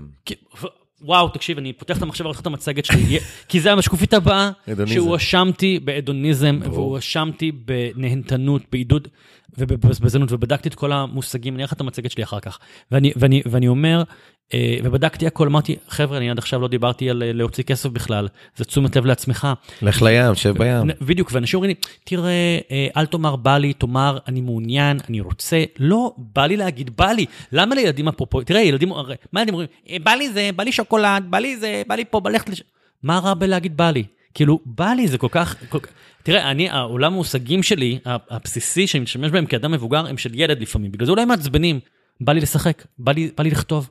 בגיל 17 באו לראיין אותי, אה, אה, גדלתי בבת ים, ובאו לראיין אותי למקומון חולון בת ים, מטעם ידיעות אחרונות, הופעתי באיזושהי הצגה עירונית, סתם בא לראיין אותי איזה מישהי. זאת שמראיינת אותי, הייתה בת 18. אמרת אתה רוצה להיות כתב. כן, אמרתי לה, יא, איך, איך, איך, מה, מה? היא אמרה לי, כן, מכינים את דור העתיד בידיעות אחרונות. אמרתי לה, בא לי. אמרתי לה, בא לי, ככה אמרתי לה. היא אמרת לי, אז תבוא לעורך, תדבר איתו. באותו יום לקחתי את האוטובוס, נסעתי לחולון, כי זה היה בחולון. נכנסתי למערכת, אמרתי שלום, בא לי לכתוב בעיתון, אה, כי אתה יודע, אמרו לי על מה, הבאתי רעיונות וזה וזה, אמרו לי תעשה פיילוט, התקבלתי. ומשם מהר מאוד אגב גלשתי כבר לעיתונים משמעותיים יותר מהמקומון הזה. וכן, הבא לי הזה אפיין אותי כילד וכנער וגם כבן אדם מבוגר. דרך אגב, אה, אה, המילה הזאת היא ככה, היא מילה. נהדרת בעיניי. כי הרבה פעמים אתה כי לא צריך להסביר. נכון. כי ההסברים זה כבר כל השריטות שלנו והדברים שלנו, ולהגיד, בא לי, תקשיב, אני לפני קיץ שעבר, אני זוכר ממש, כשהייתי בן 20 ומשהו, אז הייתי הולך לים, הייתי יכול להיות שעות בים. כן. היינו כאילו שעות בים, מה, מה יש לעשות? אתה בים, משחק זה, כן. בנות, השקפתי בים, אחרי חמש דקות רציתי ללכת. לא ידעתי מה לעשות עם עצמי. אז הלכתי. למחרת באתי עוד פעם. זה היה תרגיל בלהיות ברגע, mm. זה לא היה להיות בים. כן. שכבתי שם ונרדמתי. Hmm. נרדמתי. איזה כיף. וקמתי אחרי רבע שעה, ופתאום הגוף שלי נרגע. כן. פתאום היה כאילו, אתה יודע, אפשרות לשבת, לעשן, אה, להסתכל, הייתי בלחץ כל הזמן. אני לא מתאים פה, אני גדול כבר, כן, אתה יודע, כן, זה, כן. זה לא הגיל שלי, מה אני שוכב פה, איך אפשר בכלל לשכב עכשיו ולקרוא שעה את... וזה כמה סיפורים יש לנו. לגמרי, אז אני חייב להגיד לך משהו, אפרופו מה שאתה אומר, וגם אה, כי פתחת את הדברים, אמרת, אתה בן 48 וזה, ואמרת לי גם בשיחה מקדימה, אתה ככה קצת שמח, קצת עצוב בימי הולדת. כן. אם יש משהו שאני מאושר ממנו, זה הגיל. אני בן 44, ממש לאחרונה חגגתי, אני פחות אה, נהנה מה, מההתבלות הפיזית, כן, אני מרגיש אותה, כן, אבל, אבל אה, איזה כיף הגיל.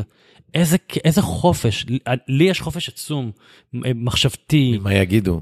ממה. יגידו, מי, מי, אני, אתה יודע, פרופורציות, אפרופו ילדות, אני רואה את הבנות שלי, מכל שטות כאן דרמות וזה, אתה יודע, פרופורציות, בנות, אבל בסדר, זה צריכות לעבור את המסע שלהן, אבל איזה כיף זה. ואתה יודע, היום ירד לי ספר חדש לדפוס, ואתה יודע, מהבית דפוס שלחו לי את הכריכה, היה איזה דרמה קטנה שהייתה זליגה מה... זה נקרא הסדרה, מאיפה שכתוב את השם של הספר בצד, שישים את זה בספרייה כזה, כן. מעמידים. אז יש גלישה של 0.02 מילימטר של הצבע של השדרה לכריכה הקדמית וזה, אמרו לי לעכב את זה, לא, אמרתי להם, חבר'ה, תדפיסו, הכל בסדר, נתקן את זה במהדורה שנייה, כאילו זה נורא חינני הגלישה הזאת בעיניי. וזה פרופורציות, ואתה יודע מה, אז זה אני רוצה להגיד דווקא למאזינים שמקשיבים לנו, ואולי נאזן את, את פתיחת השיחה שלנו, שאוי ואבוי, מישהו בן 50 והוא כבר לא, הוא לא בנתיב, אז אולי הוא לא יכול. דווקא פה פרופורציה, איזה כיף אנחנו בני 50 או בני 40, אנחנו הרבה יותר חכמים. אנחנו, אתה יודע, גם עכשיו שאני יוצא לדייטים, אז לפעמים אני לא מעוניין בצד הזה, או לא מעוניינים בי. פעם זה היה דרמה, אוי, לא רוצים אותי וזה, או לא נמשכים אליי, וואי, אני מכוער. לא, זה, אני מבין שלא לא נמשכים אליי, לא כי אני מכוער, אני גם לא חתיך, אבל כאילו, אני, אני בסדר. אבל זה כבר לא אכפת לי, אני מבין את זה כבר, שזה בכלל, אתה יודע, זה כמו שכשהייתי שחקן, זה דווקא שיעור שלמדתי בגיל נורא צעיר, ש... עשיתי אודישן איזושהי סדרה, זה היה אחרי השלנו והשמינייה, וסדרה מאוד מאוד ידועה, והגעתי ממש עד הסוף, כאילו של האודישנים, כלומר אה, עוד אודישן ועוד אודישן, כן. ומאצ'ינג עם שחקנים נוספים, וברגע האחרון אמרו לי שהתפקיד לא שלי, ולקחתי את זה נורא נורא קשה, ו... ואמרתי לה, למלייקת, אבל למה, מה, אני לא טוב? היא אמרת לי, מה, אתה מדהים, פשוט לקחנו שחקן, האבא הוא מזרחי ואתה אשכנזי, והוא שחקן יותר מפורסם ממך, ואנחנו צריכים אותו בתור אבא, ואתה לא מתאים, יש לך עיניים כחולות, אתה בחור עם כן. פנים לבנות. ואז הבנתי שזה לא אישי בכלל, אתה יודע, זה כאילו, זה, זה, זה, יש כאן... אז אני חושב שיש משהו בגיל, דווקא עכשיו, מי שלא העז להגשים חלומות, דווקא יש גם יתרון להיות בן 40 דרך אגב, רוב חלומות. החברות, לא רוב, אבל הרבה חברות שאנחנו מכירים, כן. אה, אה, התחילו כשהיזם כבר עבר דברים. נכון. בגיל נטפליקס, היזם בן 40 ומשהו, אה, זה כאילו, זה לא... גם, גם אותם חברות יוניקורן שאמרתי מקודם, כן. שלושת היזמים שם בני 50 ומשהו. כן. אני רוצה, אה, זה קשור, אני רוצה כאילו to wrap it up. כן. בצורה כזאת שנוכל, אני חושב שיש הרבה דברים לקחת, ואני אגיד לך מה אני לוקח, אני סוג של סיכום, כן. דווקא לסוג כזה של פרק. כן. אחד, אה, זה נשמע משהו טכני מאוד, אבל יש לנו טלפון, יש לנו דף, אולי דף זה יותר טוב כי זה מפעיל דברים אחרים במוח מאשר... לגמרי, כן, כן, מחקרים אגב מוכיחים שאנשים שכותבים דברים בכתב יד, אה, אה, הסיכוי להגשים אותם, אגב, לאו לא דווקא חלומות, אפילו משימות בירוקרטיות, הוא גדל ב-40 אחוז, יש מחקר כזה. כן, אני גם מוצא שאם אני כותב משהו ואני מוחק אותו, אם אני עושה כן. כאילו את הדבר הזה, זה גם תחושה הרבה נכון, יותר זה מאשר ניסיתי נכון, באפליקציה, נכון, אין לי התייחסות לאפליקציה. נכון, נכון, נכון, האבי הזה בכוח, הוא נותן לך כוח. אז אחד, זה... אה, הצעד הראשון, איך שאני רואה את זה, זה פשוט לקחת דף, ולכתוב משהו. כן. תכתוב משהו, יש ספר לבת שלי שקוראים לו דת. מכיר את הספר דת? לא. זה ספר מופלא על ילדה שאומרת לה תציירי, אומרת לה, אני לא יודעת לצייר. אני לא יודעת לצייר, מה, תראי. את יודעת לכתוב את השם שלך? Mm-hmm. כן, תחתמי את השם שלך פה. עכשיו היא עשתה נקודה. ואז עוד נקודה. ו- ואני אהיה תערוכה של נקודות. גדול. ואנחנו שוכחים את זה. לא צריך עכשיו לחלום על הסטארט-אפ הבא שישנה את העולם. לא צריך לחשוב, אולי כן, אבל לא לפחד אם לא, זה מה שאני נכון. בא להגיד, לא לפחד אם אין לך את הדבר הענק הזה. בשבילי הדבר הענק היה לשבת בים רבע שעה. כן. זה היה בשבילי, וזה פתח פתח לדברים אחרים. בדיוק. הדוניזם, מה שדיברת, לא לחשוב, שוב ככה אני רואה את זה, כי זה דברים שאני חוויתי בעצמי, לא לחשוב שאם אנחנו משקיעים בעצמנו, אנחנו הדוניסטים. נהפוך הוא, גם כשאתה במטוס, אומרים לך, קודם כל שים עליך... מסכה, ואז ברור, חייב להיות בשליטה, ברור. גם בשליטה, וגם אם אנחנו כל הזמן נסתובב כמו קורבנות, וקשה לנו ועשינו, אז באמת שום דבר לא, לא יזוז, כי אנחנו כל פעם נשים לעצמנו, טוב, אז אני לא יובל, טוב, אז אני לא אייל, טוב, אז כן. אני לא השכן שלי, נכון. אז לא ירשתי, אז לא קניתי, אז לא עשיתי, וזה, אני לוקח, אה, מה שגם, איפה זה אה, להרגיש, hmm. להרגיש, איפה אנחנו מרגישים את זה, לא ב mind שלי, אין לי כסף, או איפה זה פוגש אותי בבא לי הזה שאתה כן. מדבר עליו. בא לי, מותר לי, וזה ידוע ש-New Year Resolution רובן לא, אבל זה לא קורה, כי אנחנו לא עושים את זה בתנועה. נכון. אגב, אתה יודע, גם אם ה... ידוע הרשימה זה. גם תהיה, אגב, אם, אם, אם, אם מישהו ייצור כאן רשימה עם 30 דברים, ורק שלושה דברים הוא יצליח להזיז בשנתיים הקרובות. כבר יותר מכלום. ברור. ואני חייב להגיד לך משהו, ככה, אפרופו, באמת לקראת סיום, אז אפרופו הבלי הזה, אה, אמא שלי נפטרה לפני שנה וחצי מסרטן, והיא הייתה אישה מדהימה ויפהפייה וגם מגשימת חלומות, והייתה רוח גבית עבורי, באמת, מי שאני היום. אה, בהמון מובנים אה, אה, זה בזכותה, כי היא מגיל נורא צעיר אמרה לי, תשחק ותכתוב וזה, כשאני לא האמנתי בעצמי, אבל היא לא, היא דחפה אותי לא מהאימהות הפושריות שרוצות שילד יתפרסם, לא, לא, אלא במקום שלי, זה ירדה אצלי בדיוק. ואימא שלי נורא חיכתה לפנסיה. הייתה בת 62 והיא הייתה ממש רגע לפני הפנסיה, היא חיכתה על הזמן שיהיה לה סוף סוף הזמן לעצמה, היא לא צריך לעבוד, שייכנסו לה כספים, כי היא לא הייתה במצב כלכלי טוב, והיא חיכתה לכספים האלה שסוף סוף ייכנסו אליה, והיא הייתה קצת כמו משה, שעמד על, על, על הר סיני וראה את הארץ המובטחת ולא נכנס. וכש, וכש, ואימא שלי ממש נפטרה חודשיים לפני הפנסיה. וואו. וכשהסתכלתי על הסיטואציה הזאתי, ואמרתי, זה, זה עוד יותר, אפרופו בא לי, חיזק את התפיסה של עכשיו יכול, עכשיו עושה. עכשיו יכול, עכשיו אוכל, עכשיו יכול, עכשיו טס, עכשיו יכול, עכשיו חי. כי מי יודע מה יקרה מחר. איך כאילו... אומר הזה של פועדוב, אתה מכיר את זה? שאומר שהרבה אנשים מדברים על life after death, what about life before death? ממש ככה. אפרופו New Year's resolution, אז כשאני מרצה בארצות הברית, הרבה פעמים אנשים אומרים לי, אה, the list it's like the bucket list, כי יש מושג נכון, באמריקאית, bucket list, שאתה רושם כאילו את רשימת הדברים שאני אעשה בטרם אני אמות. נכון. יש גם סרט כזה עם ג'ק ניקולסון כן, ומורגן כן. פרימן, שנקרא בעברית, אה, לא זוכר כבר את השם, ואז אני אומר, לא, אתה לא צריך לעשות bucket list, אתה לא צריך לחכות למות כדי להגשים חלומות, אתה, תחיה ותגשים אותם עכשיו. אני זוכר שהייתי בן 44, מהמם. ובא לי, זה התאים בחיים שלי עכשיו לעשות יום הולדת. כן, ואמרתי לו, רגע, אני אחכה לשנה הבאה, כי זה עגול וזה וזה. כן, אני חייב להגיד לך, שברור שהכל מתאים בהתאם למה שמתאים לו, כאילו בהתאם לזמן שהוא קורה, כן. אבל הפרפקט היה 44, ווואלה, ב-45 לא חגגתי בכלל. כן. לא היה צורך, כי האדוות של 44 כן. נשארו איתי, ואני חושב שברגע שכל אחד מאיתנו, אה, אתה יודע, כמו שאומרים, אתה לא יכול להיכנס לאותו נהר פעמיים, כן, נכון? כן. אז בפעם הבאה שאתם עושים משהו, אה, כמו שאנחנו יודעים להגיד לילדים שלנו, או מי שאין לו ילדים, להגיד לעצמנו, לנסות לעשות אותו אחרת, לנסות להגיע הביתה משביל אחר, לשבור דפוסים, לשבור, אנחנו כולנו אנשים רגילים של, וזה ממש. בסדר, זה חשוב, אתה לא רוצה לקום כל יום באיזה מיטה אחרת או באיזה, אולי אתה כן, אני לא יודע, אה, במיטה אחרת, כן. אבל אתה יודע, אם אתה רגיל כל יום לקום במיטה אחרת, תנסה לקום במיטה, אותה מיטה, כן. יום אחרי יום. אם אתה מבולגן, אני בן אדם מאוד מבולגן, ואני עושה מאמץ, ואשתי תגיד שאתה לא עושה מספיק מאמץ, Mhm. אבל אני עושה מאמץ, כדי, כי אני רואה את הבלגן, יש לי, מחכים לי, אנחנו בינואר, אז ראיתי, נותן לעצמי, נותן לעצמי אה, אה, מרווח נשימה, אמרתי, עד סוף החודש, אני מסדר את כל הדפים שלי. עכשיו, יש הרבה אנשים כאלה, כן. יש לך סטארט-אפים שיקומו רק כדי לעזור לך, תביא לי את הקבלות. שלך. אני, אבל אני מרגיש שזה חייב לבוא ממני, כי אני חייב להיות בתנועה. כן, כי אחרת עוד פעם מישהו אחר עושה בשבילי, ואז כן, לזהות, לזהות את ה... אני חושב שאני קודם חוזר חוב, מה שאתה אמרת, לקחת דף, לרשום, ודברים יצוצו, ינבעו מזה. ממש, לא, אני אומר לך, זה זה באמת, זה כאילו, הגרסה הצרפתית של הרשימה נקראת La Musique de la Liste, קסם הרשימה. ו- וזה- וזה- וזה באמת, זה- אתה יודע, אני מקבל באמת בשבוע מאות מיילים מהארץ ומהעולם, ואנשים כותבים לי, מצאתי את הרשימה מלפני שלוש שנים, זה מדהים, הכל קרה, רק אתמול מישהי שלחה לי כזה מייל. ו- ואני אומר, אני יודע. כאילו, עכשיו, ורואים את זה גם בהרצאות שאני עושה, אני תמיד מעלה אה, בהרצאות איזה שניים שלושה אנשים מהקהל אקראית, ואומר להם, מה החלום שלך? אז נגיד, הייתי בתיאטרון הצפון מול 900 אנשים, עלה נער בן 14, וסיפר שהחלום שלו זה להיות שחקן ב-NBA. אה, נער גבוה מן הסתם וזה, אמרתי לו, מה אתה עושה בשביל שזה יקרה? הוא מספר, אני מתאמן, אני פה, אני שם. שאלתי את הקהל, מי כאן יכול לעזור לו? מי כאן מכיר מישהו שמכיר מישהו? אז 50 אנשים הרימו ידיים, מישהו אמר, אני אה, פסיכולוג, בוא, בוא, בוא לכמה פגישות, נדבר ככה, נעשה לך חיזוק מנטלי. מישהו אמר, אני אה, אה, מאמן כדורסל בכרמיאל, בוא אליי לאימונים. ואז אני כזה אומר, תגידו, יש כאן במקרה מישהו שמכיר מישהו מ-NBA? אתה יודע, כזה חצי בהומור. מרימה יד בשורה האחרונה, שורה 50 מישהי אומרת, היי, אה, אחי משחק ב-NBA, קוראים לו גל מקל, מי. שזוכר ומכיר, כן. שחקן ישראלי ששיחק ב-NBA, והיא חיברה בינו לבין אחיו. ומה אני רוצה לומר בדבר הזה, שבאמת, ותמיד אומרים לי, זה היה מבוים, זה היה מבוים, כאילו, אתה יודע, זה, זה ככה. כאילו, אתה יודע, באמת, ו- וזה אה, מתחבר לכותרת של הספר, הרשימה, חלומות צריך לצעוק.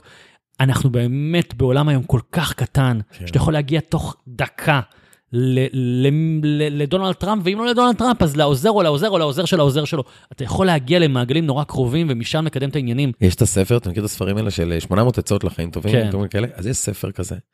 ותמיד אני הולך ואני רואה את הבן 90 ומשהו שנותן זה, אתה יודע, בין ה... כן, זה דברים כאלה שאתה כאילו אומר, אה, במקום להגיד איך לא ידעתי, עדיף לעשות מאשר להצטער וכל כן, מיני כן, כאלה. כן.